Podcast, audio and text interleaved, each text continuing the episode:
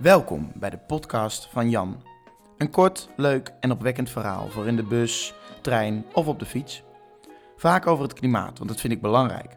Het gaat niet zo goed met deze wereld en daar schrijf ik en vertel ik veel over. Niet om het probleem te benoemen, maar om toe te werken naar een oplossing. Dit doe ik door opwekkende verhalen te maken over alledaagse dingen en gebeurtenissen die mij doen denken aan de uitdaging die we aan moeten gaan. Niet negatief, maar gewoon lekker positief. Veel plezier. De titel van dit verhaal is Op dieet, niet aan de lijn. Afgelopen vrijdag zat ik voorafgaand aan het sportgala in Valkenswaard uh, een kopje koffie te drinken met de wethouder van HNG. Hij vertelde mij dat duurzaamheid in zijn portefeuille zat. Nou ja, met uh, zijn heldere en gedreven persoonlijkheid biechtte hij aan mij op dat hij, samen met zijn collega's, het zaadje niet geplant kreeg. Ik denk dat hij het figuurlijke politieke zaadje bedoelde. Mensen worden gek van die term duurzaamheid. Het is ongrijpbaar en pas te snappen als we de lange termijn in acht nemen. Waarom moeten we dan nu investeren in iets wat nog geen probleem is, behalve de extreme droogte in de zomer? Het antwoord daarop is heel simpel. U heeft wellicht kinderen en of kleinkinderen en deze zullen de gevolgen wel voelen. En ja, dat is ver weg, maar het is wel persoonlijk. En ik, toen, toen ik daar zo zat met deze wethouder, moest ik ineens aan iets denken. Voedsel. En dat is niet omdat die wethouder er zo ongezond uitzag.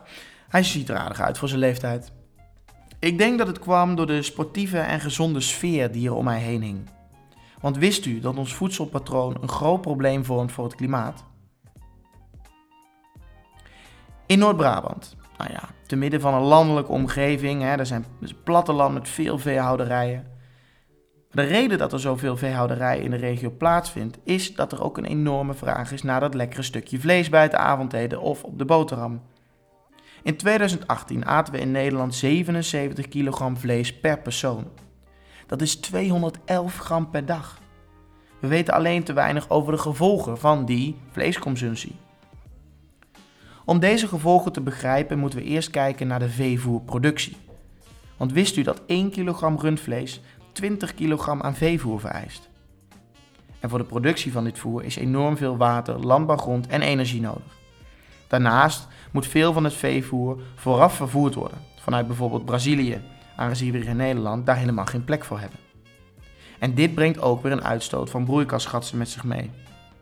Niet alleen het voer uh, heeft negatieve gevolgen. Het dier produceert na consumptie van het voer zelf ook sterke broeikasgassen, met een versterking van het broeikaseffect tot gevolg. Nou, zoals u nu misschien wel begrijpt, is vlees een van de meest milieuvervuilende voedselvormen. Dit betekent niet dat u er helemaal mee moet stoppen, maar vaker vegetarisch, minder vlees, zou een goed motto zijn. Want is elke dag vlees op uw boterham of bij het diner nou echt nodig? Vegetarisch koken hoeft zelfs helemaal niet moeilijk te zijn. Twee dagen minder vlees scheelt evenveel CO2-uitstoot als drie ritjes van Valkenswaard naar Eindhoven. Dat is die vegetarische maaltijd meer dan waard. Ik weet dat mensen niet veranderd willen worden, maar zelf willen veranderen. Laten we daarom samen dat zaadje van die wethouder proberen te planten. En dan het plantaardige en niet het vlezige zaadje. Samen streven naar een duurzaam dieet. Voor nu, voor later. Dank u wel.